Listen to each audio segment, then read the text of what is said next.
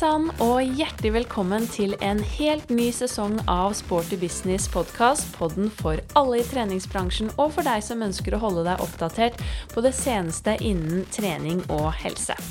Jeg som snakker, heter Eo Katrine Thomsen og driver Inspartum Akademi. Og sammen med North Stories så produserer vi Sporty Business podkast og har et brennende engasjement for vår flotte treningsbransje. Jeg håper du har hatt, og kanskje fortsatt har, en fantastisk fin sommerferie, og at den har vært fylt med masse digg trening og aktivitet, og at du også nå gleder deg til en ny sesong av podden. Jeg vil virkelig ønske både tidligere, men også da nye lyttere velkommen til Sporty business, og jeg gleder meg skikkelig til å podde fremover sammen med dere gjennom høsten. Og jeg gleder meg også til å få nye innspill, tanker, refleksjoner, spørsmål i meldingsboksen på Instagram at Sporty Business Podcast, for jeg setter utrolig stor pris på at dere er så engasjerte i podden, og ikke minst engasjerte i bransjen.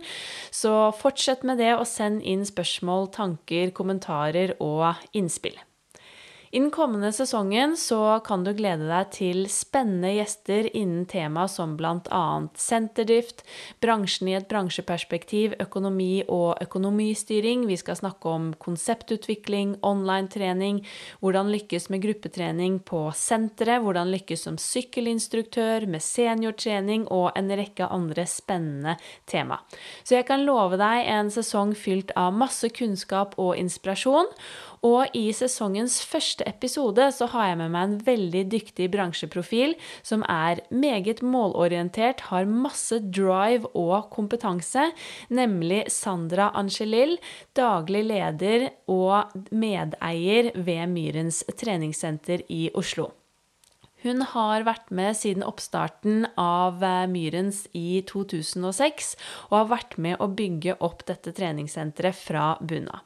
Vi snakker om senterdrift, hva som skal til for å lykkes, hvordan man kan skape et godt miljø på senteret både blant medlemmer og ansatte. Vi deler tanker om hvilke ønsker vi har for bransjen fremover, og hva vi kan bli bedre på. Håper dette her kan være en sånn ordentlig inspirasjonsboost for dere alle inn i en ny treningshøst, og at dette virkelig kan kicke i gang det nye semesteret. Så riktig, riktig god lytt. Hjertelig velkommen til Sporty business podkast, Sandra. Tusen takk. Veldig hyggelig å få lov til å være med.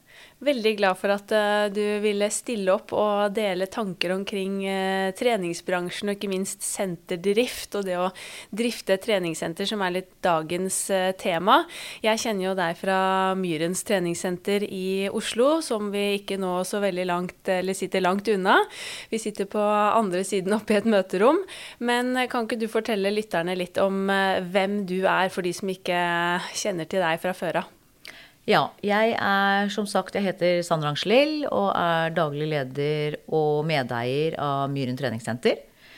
Eh, jobbet der Vi startet jo i slutten av 2006, og jeg kom faktisk ikke inn helt i starten, men jeg kom inn eh, etter åtte måneder. Så jeg har jobbet der i mange år eh, og bygget opp eh, senteret. Eh, og kommer ikke fra treningssenterbransjen før det. Så jeg, jeg er ikke en sånn typisk treningssenter-guru-person. Eh, jeg kommer fra en helt annen bransje, industribransjen, ja. som jeg har jobbet i mange år. Som jeg syns ble litt kjedelig. Mm. Tenkte at vi måtte prøve noe nytt. Hva var det som gjorde at du havnet i treningsbransjen da, da? Det var egentlig min mann som fikk meg inn. Som startet dette treningssenteret sammen med to andre partnere. Uh, og så var det denne ene partneren som måtte ut pga. noen konkurranseklausuler og mye sånn. Og da var de på utkikk etter en daglig leder og en ny medeier. Og da visste han at jeg ikke var helt fornøyd med der hvor jeg jobbet. Og spurte om jeg kunne tenkt meg det. Og jeg har jo alltid egentlig vært interessert i trening sånn på privat hånd, sånn, bare sånn for meg selv. Så jeg tenkte det kunne vært litt morsomt. Og så hoppet jeg i det. Ja, Så hva er ditt forhold til treningsbransjen sånn før du begynte å jobbe i bransjen? Har du trent på treningssenter selv i mange år? Um, Ja, jeg har, jeg har trent på treningssenter i mange år, så mitt forhold er at jeg har det egentlig liksom fra kundens perspektiv. Og kan, kunne komme inn med den kompetansen. Hvordan er det kunden ser på treningssenterbransjen. Eh, men bortsett fra det så har jeg ikke, jeg har ikke noe utdannelse innen noe instruktørfag eller noe PT eller noen, noe anatomi eller noen sånne ting som det. Eh, så jeg tror kanskje jeg kom inn med litt, eh, litt annet syn på bransjen, da. Mm. Enn veldig mange For jeg vet jo at det er veldig mange som har vært i denne bransjen i liksom, helt siden de begynte å jobbe. Så har vært der i alle år. Så ja, men det har jo gått bra.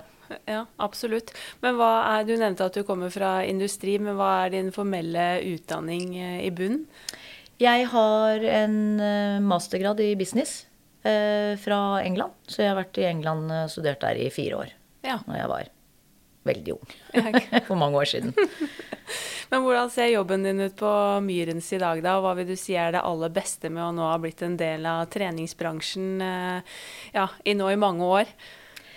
Um, jobben min, det jeg liker aller best med jobben min, er at den er veldig variert. Um, det, er liksom, det er ingen dager som er like. Jeg har kanskje halvparten av dagen er sånn noenlunde planlagt. At jeg har liksom Jeg skal gjøre det, og jeg skal gjøre det. Og den andre halvparten er helt sånn uforutsette ting. Um, veldig mye av dagen går med å bare egentlig snakke med ansatte. Eh, som er veldig viktig. Ha god dialog med dem. Eh, selvfølgelig snakke med medlemmer, som er like viktig. Eh, det går mye av dagen med til. og så er det selvfølgelig alt av type rapportering, og man må jo ha kostnadskontroll og litt disse litt mer kjedelige tingene. Ja. jeg står i resepsjon fast en gang i uken. Det syns jeg er veldig hyggelig, for da får jeg følt litt på pulsen hvordan, hvordan, det er. Så blir man kjent med medlemmene, ikke minst. For det er veldig ofte at uh, disse medlemmene kommer jo de, Noen trener fast på mandager, så de som trener fast på mandager, hvis jeg er i restitusjon på mandag, så blir jeg kjent med dem. Mm. Uh, og så plutselig så må man i barnepassen fordi en barnepasser er syk, eller man må ta en garderobesjekk. Man må gå på ryddig studio. Eh, ta og vaske over litt der. Så det blir veldig variert, og det er det jeg egentlig syns er veldig morsomt med denne jobben. da. Mm. At det er ikke noe sånn åtte til fire-jobb å sitte på kontoret og, og holde på der.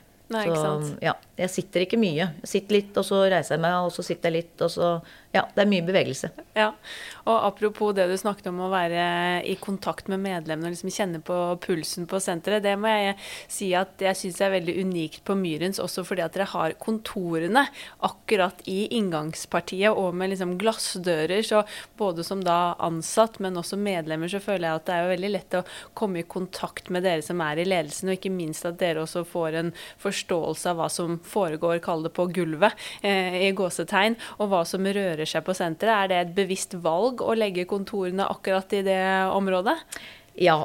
Vi Det er en del år siden Jeg husker jo ikke helt tidspunktet, men for en del år siden så hadde vi kontorer oppe, langt vekk fra resepsjon.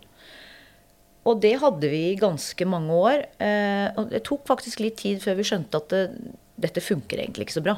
Vi var liksom litt sånn utafor. Mm. Eh, så når vi skulle eh, gjøre om Det var et golfsenter der før som hadde deler av lokalet. Så flyttet de ut, og da ble det mer plass til oss.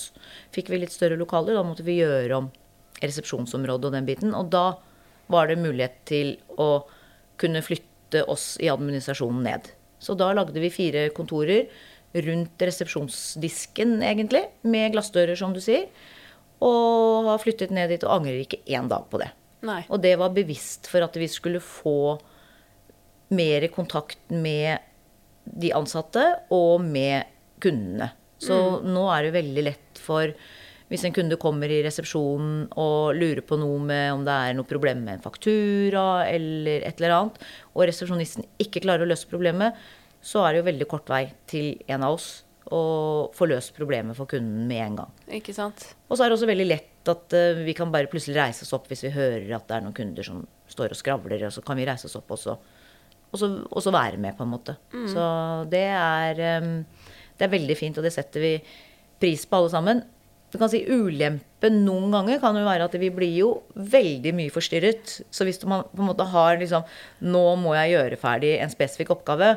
Så går selvfølgelig an å lukke døren, men eh, det er jo litt sånn selv om døren er lukket, så er, alle ansatte vet at det er bare å banke på og lukke opp døren og komme inn og spørre om noe. Så det har vi bevisst sagt at det må de bare gjøre.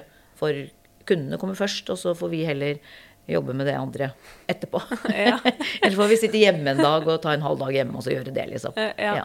Nei, jeg tenker det er jo veldig fint nettopp for å få den ja, kontakt med medlemmene, det som foregår på senteret. For det blir jo ofte et veldig sånn distansert forhold mellom ledelse og de som faktisk jobber på gulvet. Og ikke minst som du sier at du også jobber i resepsjonen. Det tenker jeg litt sånn, i hvert fall tror jeg da, eh, rent personlig kan også være en god sånn take home message til de som lytter på, at eh, det kan være et eh, lurt eh, ja, et lurt grep å gjøre på senteret. Mm. Ja, det er det. Det med tilstedeværelse tror jeg er veldig viktig på et senter. Ja. Det at eh, det er ikke bare resepsjonisten som skal være til stede, men at vi i ledelsen også må ha tilstedeværelse både for de ansatte og for medlemmene våre. Du nevnte jo at du kom inn eh, litt senere etter at eh, Myrens eh, startet, men kan du ikke fortelle litt om den eh, oppstarten og ideen bak Myrens eh, treningssenter her på Torshov, og ikke minst hva du tenker er unikt med senteret? Jo. Eh, det var Før vi kom inn, så var det i, Det er veldig store lokaler. Det er vel 5000-6000 kvadratmeter. Eh, selve hele sportssenteret. Og der var det bare et golf, stort golfsenter. Og så hadde de altfor stor plass, så de ville på en måte ut av mesteparten av lokalene. Og da kom ideen med at man skulle starte et sportssenter med flere forskjellige aktiviteter. Og da ble det jo golfen ble værende på noe areal, og så kom klatreverket inn. Så de har en stor klatrehall med masse klatrevegger. Og så kom da Myren treningssenter inn med treningssenter og en stor squashhall med åtte squashbaner. Ideen helt i begynnelsen var jo at um, eh, man hadde en forhåpning om at man kunne liksom ha ett medlemskap og så gjøre alle disse aktivitetene så mye man ville. Det var det vi håpet på, men det funket ikke. Det så vi etter en stund. Så vi hadde liksom felles resepsjon. Alt var felles.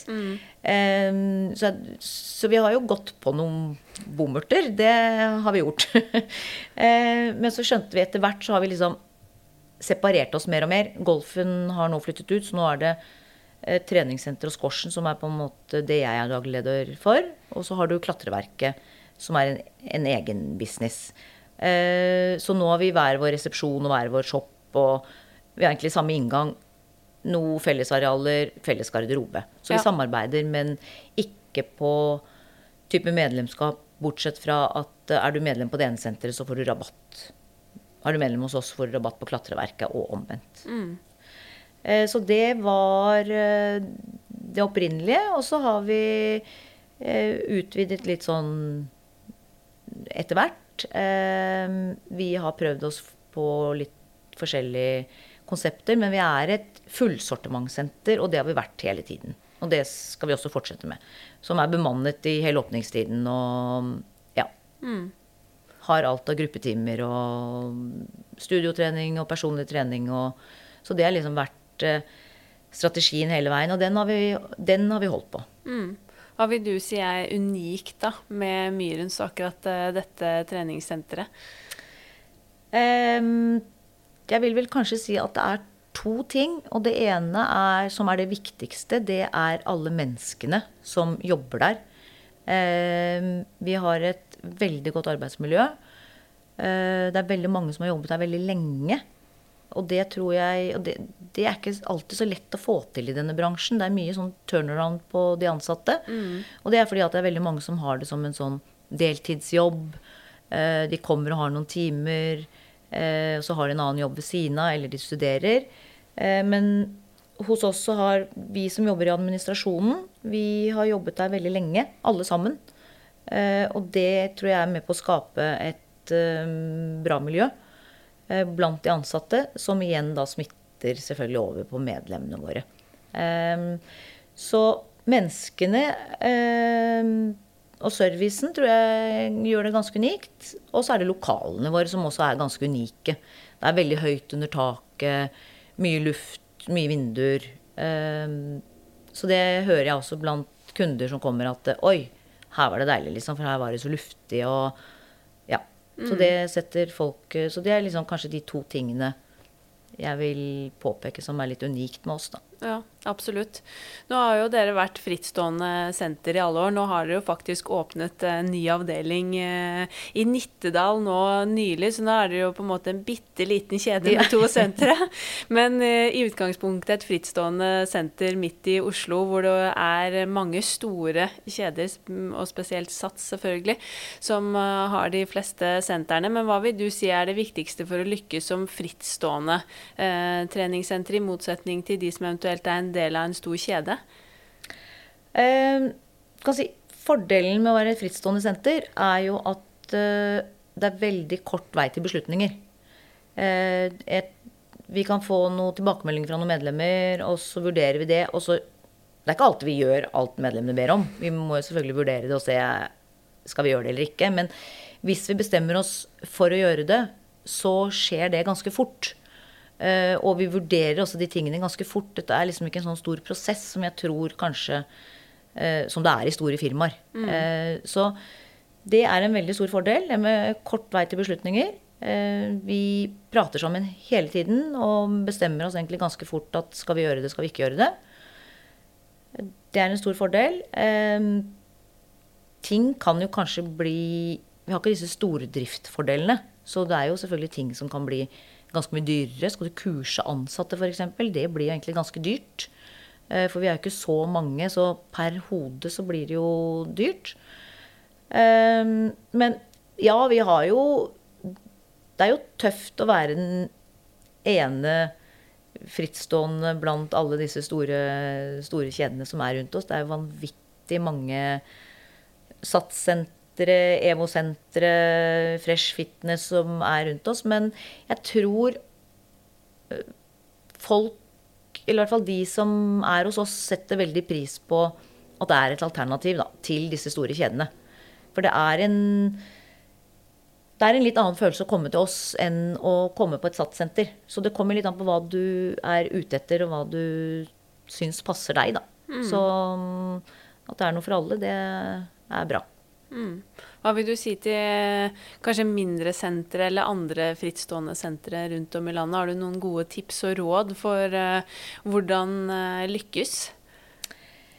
Ja, det er dette med tilstedeværelse. Det mener jeg er veldig viktig. At, uh, at ledelsen ikke er liksom en ledelse, bare.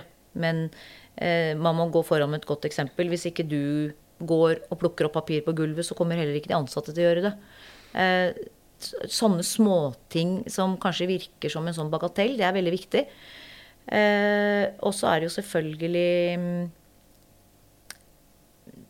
det viktigste er vel nesten også få de rette ansatte. Og bruk litt tid på å ansette de riktige menneskene. Finne ut av hva slags senter er det jeg vil ha, hva er det jeg vil stå for. Uh, legg en god plan på det, og så ansett mennesker etter det. Eh, som passer inn. Sånn at, blir, sånn at du, man klarer å bygge et bra miljø da. det, blant de ansatte. Det tror jeg er veldig viktig. Og så må man jo selvfølgelig ha alt dette med inntekt og kostnadskontroll. De tingene er jo selvfølgelig veldig viktige. Man må ikke glemme det. Det er ikke bare moro i denne bransjen. eh, også god kundeservice. Det tror jeg faktisk at vi små Jeg sier ikke at de store kjedene ikke har god kundeservice, men jeg tror det er litt lettere for oss småsentrene å ha den, være litt sånn tett på kunden. Og også være, da, kunne være litt personlig med kunden, for at du kjenner dem. Det gjør jo ikke nødvendigvis alle disse store kjedene. For da er det kanskje kundeservice er sentralisert et sted. Eh, så svar En kunde som sender en mail eller en SMS, eller de forventer et svar ikke liksom to uker etterpå de har sendt forespørselen. De forventer et svar ganske kjapt. Så vær god på det med medlemsservice. Eh, vær til stede i alle kanaler. Plutselig så får du en tilbakemelding eh, via Facebook. ikke sant? Det kan være et spørsmål der som man liksom følger med. Det er ikke bare folk som sender på mail. Ikke i disse dager. Eh, så vær god på kundeservice. Det tror jeg er veldig viktig. Og hold det du lover. Hvis du sier noe til en kunde at eh, du skal gjøre sånn og sånn, så gjør det. Eh, eller hvis du ikke skal gjøre det, så også si at eh, nei, det går dessverre ikke, og så forklar grunnen. Og da går det stort sett veldig fint. Hva vil du si er din viktigste jobb som daglig leder på Myrens? Det må være å motivere de ansatte til å bli den beste versjonen av seg selv, egentlig. Eh, at de vet arbeidsoppgavene sine, vet eh, hva de skal forholde seg til, vet liksom grensene sine, hvor, hvor stor myndighet har de på de forskjellige arbeidsområdene. Det er veldig viktig. At de kan det de gjør, eh, sånn at kunden da føler seg trygg og ivaretatt. At de føler at ja, nå har jeg fått riktig svar, på en måte. Eh, så det å ha, å ha bra opplæring på de ansatte er veldig viktig. Du klarer ikke å gjøre denne jobben her selv. Eh, og så tror jeg det er veldig viktig at eh, alle ansatte kan komme med tips og ideer om ting som er, kan gjøres annerledes, som kan gjøres bedre, nye ting. Eh, for å sitte og finne på sånne ting alene eller to stykker, eh, det blir veldig vanskelig. Så det må være rom for at eh, alle kan komme med sånne ting. Det å få de ansatte til å tørre å gjøre de tingene, det tror jeg er en av mine viktigste arbeidsoppgaver. Mm. Pluss at uh, jeg, jeg må sørge for at vi har en sunn drift. Det er jo også selvfølgelig veldig viktig. Men hvis man uh, har, en, har bra ansatte og de tingene der, så kommer veldig ofte denne sunne driften av seg selv etter hvert. Men du må på en måte ha Du må ha god kostnadskontroll, for det kan fort løpe på mye kroner eh, hvis man ikke har det. Og da hjelper det ikke at medlemmene betaler, og da må du på en måte hele tiden fylle opp med nye medlemmer for å dekke alle kostnadene. Så det, det er også veldig viktig som daglig Og det er en daglig leders jobb å ha Ja. den kontrollen der sånn. Selvfølgelig. Du nevnte jo tidligere også dette med å, at det er så viktig å bygge dette gode miljøet som du er inne på, også med å finne riktige ansatte og ansatte som passer inn. Og i hvert fall min opplevelse av Myrens er jo nettopp det at det er et veldig sånn unikt godt miljø blant de ansatte der. Og det er generelt en veldig sånn god stemning, vil jeg si, når man kommer inn på senteret. Jeg har vært rundt på ekstremt mange sentre, og det er nesten sånn at man kan ta og føle litt på stemningen på senteret idet man går inn, føler jeg nesten, etter hvert, eh, og etter å ha vært rundt mange steder. Så der syns jeg jo dere gjør en veldig god jobb. Og dere arrangerer jo sommerfester og juleavslutninger, og det er utkledning, og det er stadig også mye som skjer. Det har ikke vært like mye selvfølgelig i koronaåret, men i normale tider. Men eh, hvordan jobber dere med dette til daglig? Hva gjør du for å klare å skape det gode miljøet, og, jeg, og det å liksom engasjere folk også til å stille opp? Ja, som du sier, så har vi jo og dette med å møtes litt sånn sosialt. Det er også øh, viktig med å skape et godt miljø blant de ansatte. Eh, så vi har jo fast eh, sommerfest, eh, julebord for alle ansatte. Eh, utenom, som du nevnte, nå i disse koronatider. Eh, og så har vi Vi i administrasjonen har faste ledermøter en gang i uken. Eh, det er ikke alltid vi har en hel masse nye ting å prate om, men det er alltid et eller annet. Og så er det faste PT-møter en gang i måneden hvor de gjør noe Hvor de har pratet litt og diskuterer kanskje noen caser og spiser kanskje frokost sammen. De tingene der som bygger opp under miljøet. Eh, og det samme har vi liksom med resepsjonsgruppen, at man har faste møter med dem.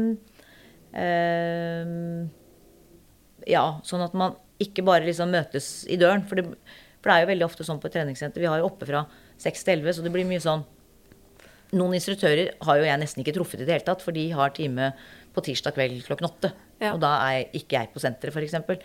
Så, så derfor er det litt viktig å møtes i litt sånn sosiale sammenhenger. Men som du sier, det er ikke alltid lett hvis man skal f.eks. ha kursing, å få ansatte til å stille opp. Det er ikke alltid like lett. Og det har jeg forståelse for, for vi er, vi er opptatt, alle mennesker i dag. Så det å forlange og forvente at alle skal stille opp på en sånn helgekurs i sånn fra tid til annen, det Vi prøver, men det er som du sier, det er ikke alltid vi får med alle. Og det kan vi heller ikke forvente. Så mm, vi prøver kanskje å, noen ganger å ha det midt i uken. Sånn, ikke sånne veldig lange kurs, men kanskje eh, på ettermiddagen. Eh, og det er også da vi legger disse møtene. At det er på ettermiddagen eller på dagtid. Man spør når er det de fleste kan. Eh, og så er det det å liksom For å skape dette gode miljøet, så må man gå rundt og prate med folk og um, ha tid til å høre på de ansatte. Ikke bare prate om sånne jobbting, men også kunne prate om litt personlige ting og litt sosiale ting. Og hva har gjort for noe i helgen? Og de tingene der. Liksom sette av litt tid. Det er derfor jeg, jeg sånn, liksom, halvparten av dagen min går med til sånne uforutsette ting. Snakke med ansatte, stå og skravle med dem. Så kan man tenke det er jo veldig ueffektivt, men um, det, det, lønner seg i lengden. Ja, ja, ikke sant? Ja, det tror jeg. Det er akkurat det.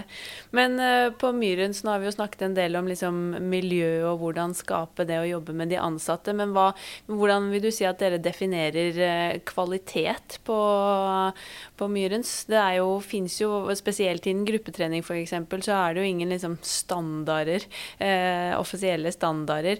Men hva er det dere ser på som viktig? Eh, F.eks. på en en gruppetreningsinstruktør, da, eller en gruppetime, eh, så er det med kvalitet eh, er at instruktøren er godt forberedt i timen sin. Det er veldig viktig. At uh, man ikke kommer for sent til timen. Gjerne kommer litt før, ha tid til å prate med kunden.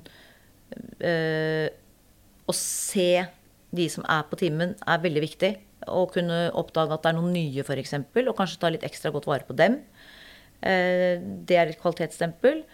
Eh, ha gjennomarbeidet timen sin. Det merker kundene tror jeg, med en gang om man er litt dårlig forberedt eller ikke. Er man dårlig forberedt, så, så føler kunden at eh, Jeg tror de føler med en gang at dette var ikke så bra time. Mm. Jeg var liksom ikke så viktig. Nei. For kunden kom, nei, instruktøren kom litt heseblesen og har liksom ikke helt koll på musikken og ja. Jeg kan ikke alle trinn om det er en trinntime. Så, så, være forberedt og kunne se kunden, det tror jeg er veldig viktig for en gruppetreningsinstruktør. Og så må jo selvfølgelig timen ha eh, Det må være faglig forankret. Det må være en trygg time. Eh, at man får et treningsutbytte er jo selvfølgelig også viktig. Det må ligge i bånn på mm. timen. Men den der også opplevelsen Jeg tror det er veldig mange som er på gruppetime som vil ha en opplevelse. Eh, det er veldig mange Gruppetreningsinstruktører er jo litt entertainere også. Eh, så det, det er også viktig. Eh, at de, de fleste fleste som generelt har trent, kommer jo ut med smil om munn. Mm. Ja, og som du nevner spesielt dette her med at eh, man, at man skal føle seg respektert da, som eh, medlem. For de har jo betalt for tilbudet, og de har møtt opp og brukt av sin fritid til å komme og være med på den gruppetimen. Og da skal man jo få det produktet man forventer av en eh, profesjonell instruktør. Ja. Og det er jo litt sånn hvis man f.eks. er et nytt senter, da. Jeg husker jo det når vi var ganske nye, at det var det med å bygge opp en gruppetreningskonsept og en gruppetimeplan, eh, det er ikke veldig lett. Det tar faktisk litt tid. Så man må ha litt sånn is i magen når det gjelder gruppetrening. Eh, selvfølgelig ikke sette på altfor mange timer med en gang, for da blir det veldig få på hver time. Og det er ikke så morsomt, det heller. Men heller sette på litt flere timer etter hvert. Men det er veldig viktig å være tro til konseptet sitt, holde seg til det. Og så er det også veldig viktig i starten at det kunne jo ofte være at det, det kom liksom to stykker på timen. Og da var det sånn OK, hva gjør vi nå? Og det som er viktig da, det er at det, ja, vi holder timen. Uansett. Instruktøren står i salen om det, så, det står at det ikke kommer noen, men plutselig så kan det komme igjen. Da er man, man gjennomfører den timen. Uansett, tenker jeg. Det er veldig viktig. Ikke bare si nå er det så få, så da avlyser vi timen. Det er veldig, veldig veldig dumt. Ja, Det blir jeg veldig glad for å høre. Ja. Det er jeg veldig enig i. Jeg sier ofte at liksom, man avlyser aldri en time, uansett. Og det er jo avgjørende, vil jeg si, for å få et gruppetreningsprodukt til å fungere. Og som du sier, det å gi det tid. Da, for jeg tror jeg mange også kan være litt utålmodige. At man ser at ja, men disse timene funker ikke, så da tar vi den av. Istedenfor å ha is i magen og gi det litt tid, så man faktisk får mulighet til å bygge opp produktet. Ja, og det, og det, og det kan jo også komme en kunde eh, kommer jo stadig vekk en kunde og sier 'Gud, det er bare jeg som skal på timen'. Og det er jo litt skummelt for en kunde. Og det skjønner jeg at du skal være alene i en stor sal med en instruktør. Det er ikke alltid like morsomt. Men da har vi sagt til instruktørene våre at hvis det er bare én, da spør kunden om man skal gå opp i studio, ta en PT-time. Og det har jeg jo sagt til mange kunder om, men vet du hva? Jo, det, det, blir jo som en PT-time for deg. Så da får du en PT-time ikke gratis, da, men uh, sånn sett gratis. Du slipper å betale ekstra for en PT-time. Og da er liksom Ja, det var, liksom, det var, lurt. Så det er viktig at instruktøren på en måte er eh, Tilbyr det, da. Mm. Og selvfølgelig, hvis kunden vil avlyse, sier at den, nei, jeg vil ikke, da går jeg heller og trener alene. Selvfølgelig, Da holder man jo ikke timen. Da nei. kan man uh, droppe å ha timen. Men ikke, ikke før det. Nei. Og PT-produktet, da, hvordan eh, ser dere på kvalitet, eller hvordan jobber dere med personlig trening på Myrens? Um, PT-produktet, der er det jo litt det samme når det gjelder kvalitet som i gruppetime. Mm, selv om det her er bare én til én, så er det det med å være forberedt. Uh, kjenne kunden din. Viktig dette første møtet for å stille disse, alle disse spørsmålene som en PT skal stille. om mål og ønsker å møte kunden så langt det lar seg gjøre der. Eh, komme forberedt til hver eneste time. Gi kunden feedback og tilbakemeldinger. Hvis f.eks. i ferier så bør man på en måte være følge, følge opp lite grann. Jeg sier ikke at man skal drive og følge opp en kunde hele tiden i ferien. Det er både irriterende for kunden, og så er det mye gratisarbeid for en pette. Men gi dem, spør om de vil ha et ferieprogram, og, og send en, gjerne en tekstmelding innimellom og høre hvordan det går. Um, det er viktig. Um, ja, vi har Det var en ja, fire-fem år siden, så hadde, da hadde vi ganske lite med PT. Eh, business hos oss. Også, og det var fordi vi hadde egentlig ikke så veldig stor fokus på det. Og så var det litt sånn Ja, men uh, hos oss så er vi har ikke sånn klientell som vil ha PT-er, vi. Det var vel litt sånn unnskyldningen. Veldig lett å skylde på noe. Uh, så bare begynte vi å tenke at uh, nei, dette er bare en dårlig unnskyldning. Så nå fokuserer vi på PT og prøver å bygge opp den businessen der. Og det skal ikke så veldig mye mer til enn at du har fokus på ting. Så det funker. Du må mm. ha fokus og ha en dedikert person. Jeg tror det er veldig viktig å ha det er vel kanskje noe som vi alltid På Myrens har vi, vi har vært egentlig ganske topptunge eh, i ledelsen. Vi har hatt liksom en som er ansvarlig for resepsjon og det administrative, innkjøp og de tingene. Så har vi en som har hatt salg og markedsføring, og så har vi hatt en på kundeservice, og så har vi hatt en for produkt, gruppetrening, og så har vi hatt en for PT. Um, ehm, så er det noen ganger jeg tenkt at her var det mye eh, lønninger, eh, administrative lønninger. Men da er det ingenting som faller mellom to stoler. Da tror jeg at man får full fokus på den arbeidsoppgaven. Og, så, og det merker kunden, for da blir det bra kvalitet på ting.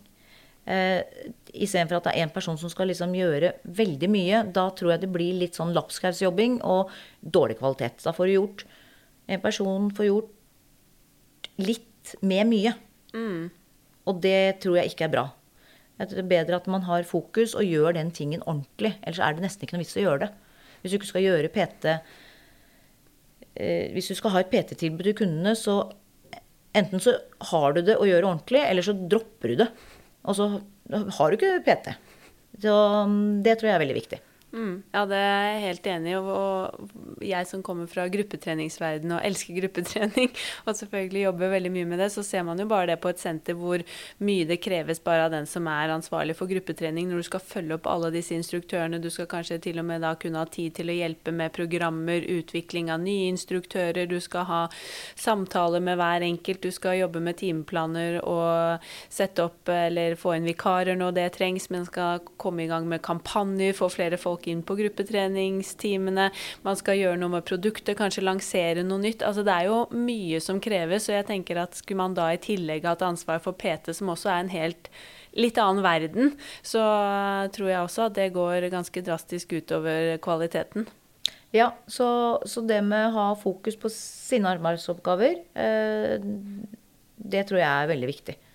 Eh, kundeservice, at man, vi har en fast som sitter på kundeservice. Og jeg tror det er ikke mange av våre kunder som må vente flere dager før de får svar på mailen sin. Det går i løpet av én til to dager. Så, og så er det selvfølgelig litt tregere i ferier òg, men de får svar da òg. Så mm, det er veldig viktig. Mm.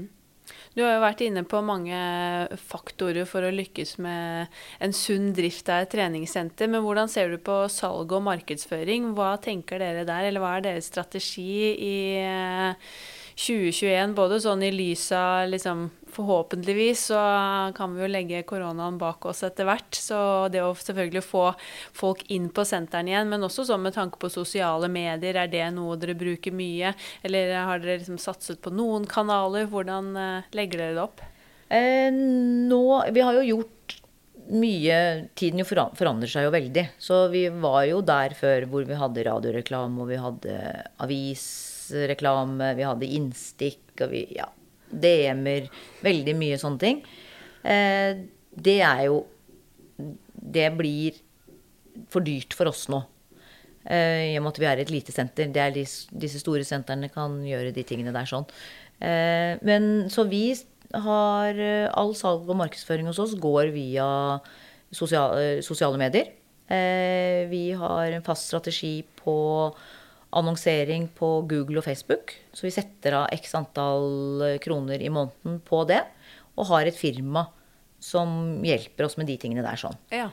Uh, I tillegg så har vi jo en ansvarlig hos oss som har uh, sosiale Instagram-kanalen vår og Facebook-kanalen vår, hvor man legger ut der jevnlig en gang om dagen ja, forskjellig, forskjellig type innlegg. Så her har vi en person som er ansvarlig for det.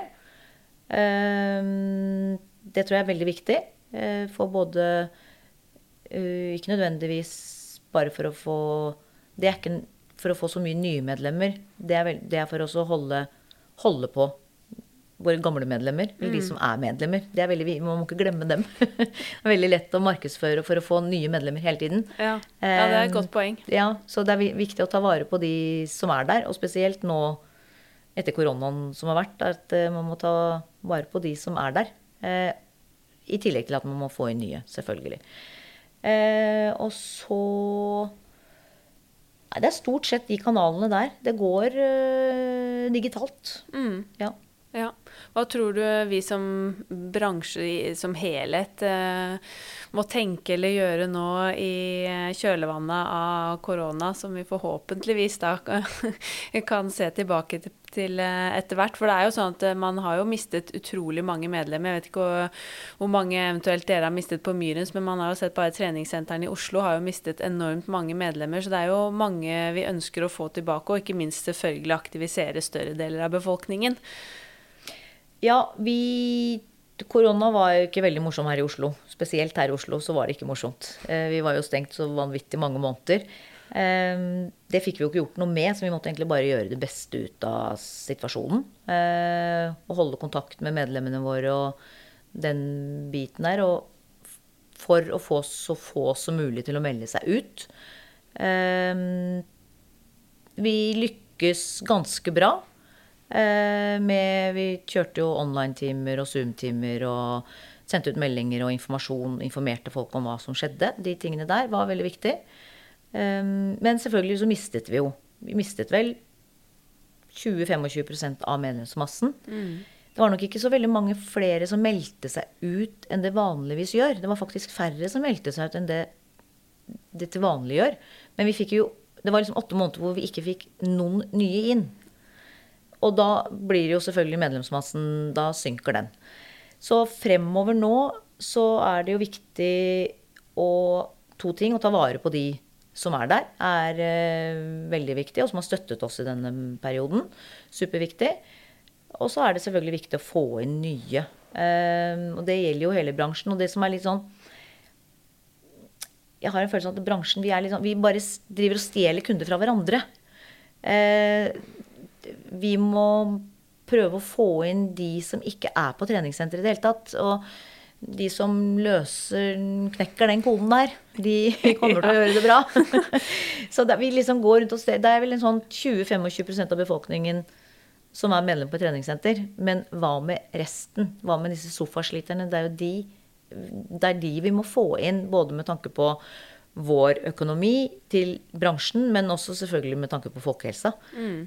Så er det veldig viktig. Eh, Jeg har jo ikke noe godt svar på det, men jeg tror nok bransjen må Vi må ufarliggjøre oss lite grann. Jeg, jeg ser jo det er veldig mange av mine venninner som sier å nei, jeg skal bare liksom gå ned noen kilo, eller jeg skal bare trene litt mer, og så kan jeg begynne på treningssenter. Det blir jo egentlig helt misforstått, men jeg tror det er mange som er der. Fordi de syns det er rett og slett litt skummelt å gå inn døren. For på treningssenter der er det jo bare folk som er godt trent og ser bra ut. Ja. Um, så det, vi har blitt mye bedre, men vi har fremdeles en vei å gå, eh, hele bransjen. Helt klart. Jeg har jo snakket om nettopp dette her med mange av de gjestene som har vært innom podden, og alle sier jo det at den som klarer å knekke den koden, den eh, blir millionær, ja. Ja. Men eh, nei, det handler jo om det at det, er nettopp det du sier, for jeg også tror veldig mange ser på vår bransje som du sier, det er litt skummelt, og man tør ikke å gå inn der før man liksom har begynt å trene, og det er jo veldig synd, for bransjen er liksom litt laget nå for oss som syns det er gøy å trene. Eh, så vi har jo på en måte kall det gjort noe feil på veien, og vi har en lang vei å gå. Det har jo blitt mye bedre. Men når vi er inne på det, da hva vil du si er de største utfordringene for treningsbransjen, eller hvor ser du det største utviklingspotensialet i tiden fremover?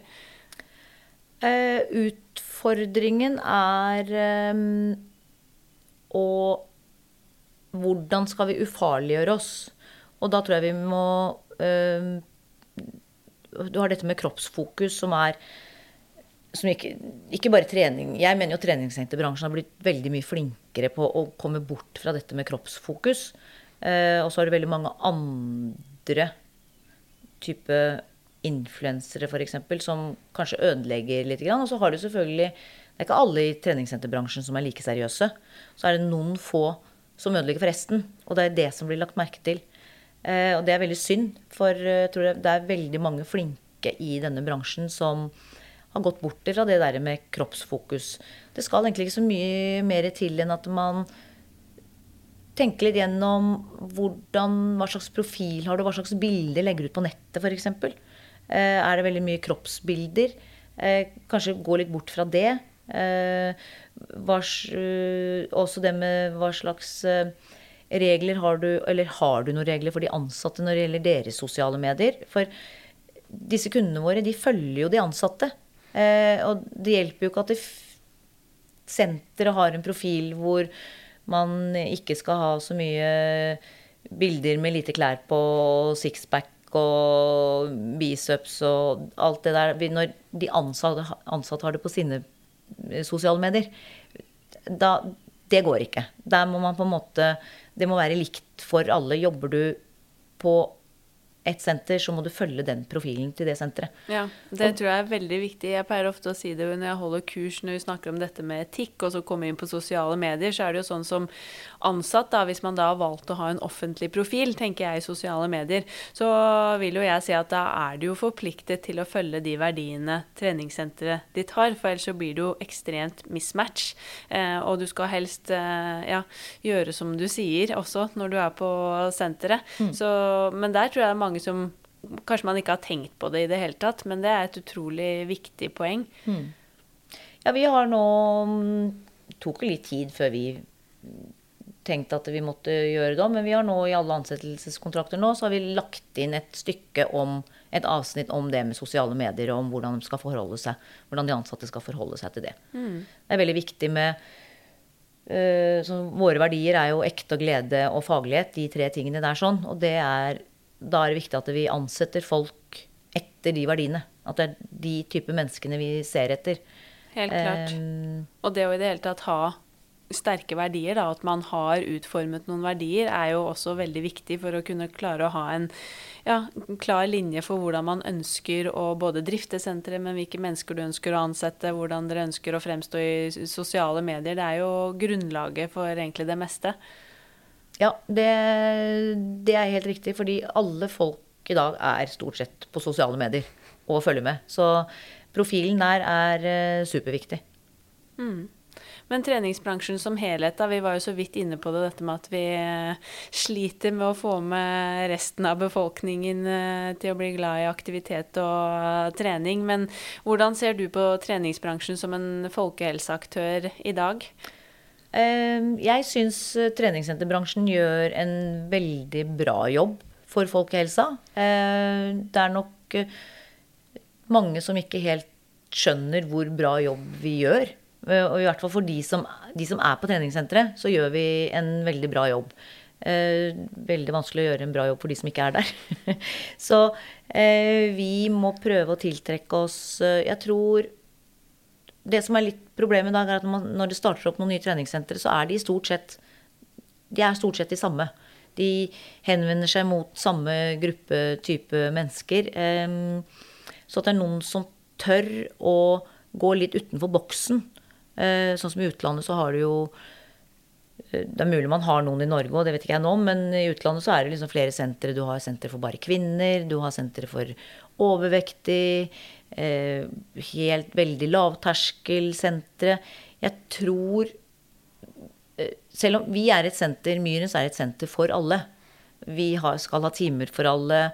Men jeg tror det er vanskelig å kunne klare å omfavne alle mennesker på ett senter. Man må på en måte bestemme seg litt. Er det den veien vi skal gå, eller skal vi gå til høyre, eller skal vi gå til venstre? Du klarer ikke begge deler på en gang. Eh, så noen må det, hvis noen må tørre å kanskje starte noen sånne type sentre, det tror jeg hadde blitt tatt imot uh, mm. veldig bra, egentlig. Så um, å få ned den uh, frykten for å gå inn på et treningssenter. Det, og, ja, og det tror jeg skapes veldig mye med hvordan vi, hvordan vi er utad mot mm. kundene våre. Helt klart. Mm. Avslutningsvis så må jeg også spørre deg da, om du har noen uh, tanker eller ønsker om hvem du selv kunne høre i Sporty Business? Um, jeg tror for folk uh, som f.eks. skal starte nye sentre, Eh, eller, eller ha en sunn drift og skal ha nye, nye investeringer etter hvert. Så enten eh, dette med en eller annen pers eller et eller annet firma eller person som kan dette med eh, Skal man leie utstyr? Skal man lease? Skal man kjøpe? Skal man ta lån i banken? Noen som har greie på de tingene der. Eller dette med eh, Det som er veldig viktig med å drifte et senter, med å ha en sunn drift, er det med eh, hvor mange kunder har på avtalegiro, hvor mange betaler, hvor mange må du purre opp. For det er veldig lett å egentlig ikke følge med på, i og med at eh, betaling på et treningssenter går automatisk hele tiden. Så er det allikevel viktig å følge med hvor bra betalere har du på senteret ditt, og litt, hva er det du må følge med på, hvilke nøkkeltall må du ha. Så type mm vi samarbeider jo, eller treningssentrene samarbeider jo enten med Kreno eller Credit Care. De, de, har jo vært på en del forelesninger mm. med dem hvor de kommer med veldig mye sånn eh, Litt mer av disse kjedelige, men viktige tingene da, når man drifter et senter. Mm. Eh, så det tror jeg kanskje kunne vært en idé som folk har litt nytte av. Og hvor drifter av et senter har litt nytte av å høre om. Mm, ja, veldig, veldig godt tips. Men når vi er eh, inne på det, da, som du sier um dette med å drifte senter- og treningsbransjen og hvordan vi fungerer. Så du som kommer fra en annen bransje og som har en businessutdannelse, hva er dine tanker eh, inn mot treningsbransjen? Hva har du sett gjennom disse årene? Hva har vi å lære av andre bransjer? Eller hva bør vi bli enda bedre på når det gjelder akkurat den delen, tenker du? Vi, eller folk i treningssenterbransjen, er jo ganske impulsive Ehm, jeg tror nok ehm, man bør kanskje se litt mer på de litt kjedelige tingene som gjør at det blir en sunn drift. Er, jeg ser jo det er veldig mange sentre som eh, åpner opp, og det er liksom Utstyrsparken er altså kjempestor.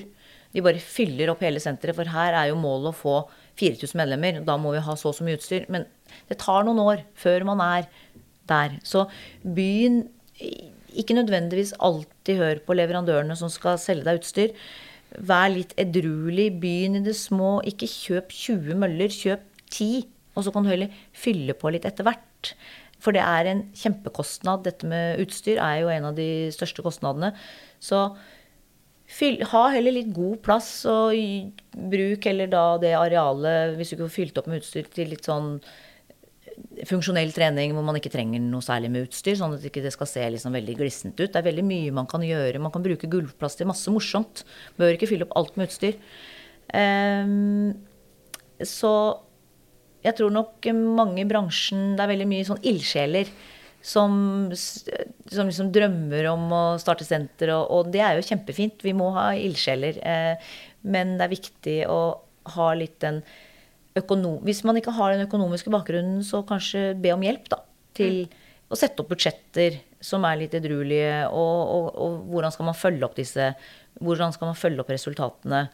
Eh, de tingene tror jeg kanskje mange i bransjen kunne fulgt med litt mer på. For det er jo det er jo en bransje som ikke nødvendigvis eh, tjener så veldig mye penger. Er, bunnlinjen er ikke noe sånn veldig å rope hurra på. Så man må være flinke til det der med kostnadskontroll og ikke investere for mye for fort. Ja. Liksom at det må gå litt hånd i hånd med medlemsmassen, da. Mm. Og de tingene der sånn. Så bare ha litt, sånn, litt is i magen og Ja. Det mm. tror jeg Ja, eventuelt få hjelp. Det er mange der ute som Ikke nødvendigvis at du må ha betalt hjelp, men spør venner og familie om det er noen der som har greie på dette med økonomi og den biten der, sånn, så det er mange man kan få hjelp av. Mm. Og ikke minst, som du sier, både investere tid, men også bare orke å gjøre de kjedelige tingene. Ja. Jeg kan jo skrive under på det selv for å være liksom kreativ gründer og elske treningsbransjen og sånn, så ja. Jeg må jo gjøre det, men jeg må jo innrømme at det sitter jo litt langt inne noen ganger å gjøre disse kalde, kjedelige tingene. ja, det skjønner jeg. Så veldig, veldig godt tips. Så jeg tror vi skal eh, la det bli um, siste ord. Tusen hjertelig takk for at du ville stille opp i podden, Sandra. Det har vært en uh, kjempefin prat, og ikke minst lærerikt og spennende å høre dine tanker om bransjen og ikke minst drift. Så tusen hjertelig, hjertelig takk. Takk for at jeg fikk komme. Det er utrolig hyggelig å få lov til å være tilbake bak mikrofonen. Jeg håper du også har satt pris på en ny episode av eh, Sporty business og gleder deg til høstsesongen videre. Som sagt, har du innspill, send oss gjerne en melding på Instagram at sportybusinesspodkast. Følg oss også gjerne der. Og jeg blir også veldig glad for om du har lyst til å legge igjen en kommentar eller rating på iTunes, og også abonnere på podden. Nå ser jeg frem til å virkelig kicke i gang treningshøsten, og jeg håper den blir så normal som mulig for oss alle. Jeg vet også at vi kan se frem til et nytt digitalt seminar med Tren i eh, oktober, og jeg vet også at idrettshøyskolen NIH Aktiv, de eh, jobber også med en mulig liten convention i løpet av høsten, så det er bare å vente i spenning og se hva som eventuelt skjer i løpet av høsten på treningsfronten, men vi kan i hvert fall glede glede oss over at ting virkelig begynner å åpne opp igjen, og at vi kan møtes på de litt større arenaene. Vi poddes igjen om to uker, og da møter du Mi Eline Eriksen, ny bransjedirektør i Virke trening. Det gleder jeg meg virkelig til, så det er bare å glede seg allerede til en ny episode. Tusen takk for at du lyttet. Ha en eh, skikkelig sporty, sprudlende og deilig dag og uke videre. Denne podkasten produseres av Inspartum Akademi og North Stories.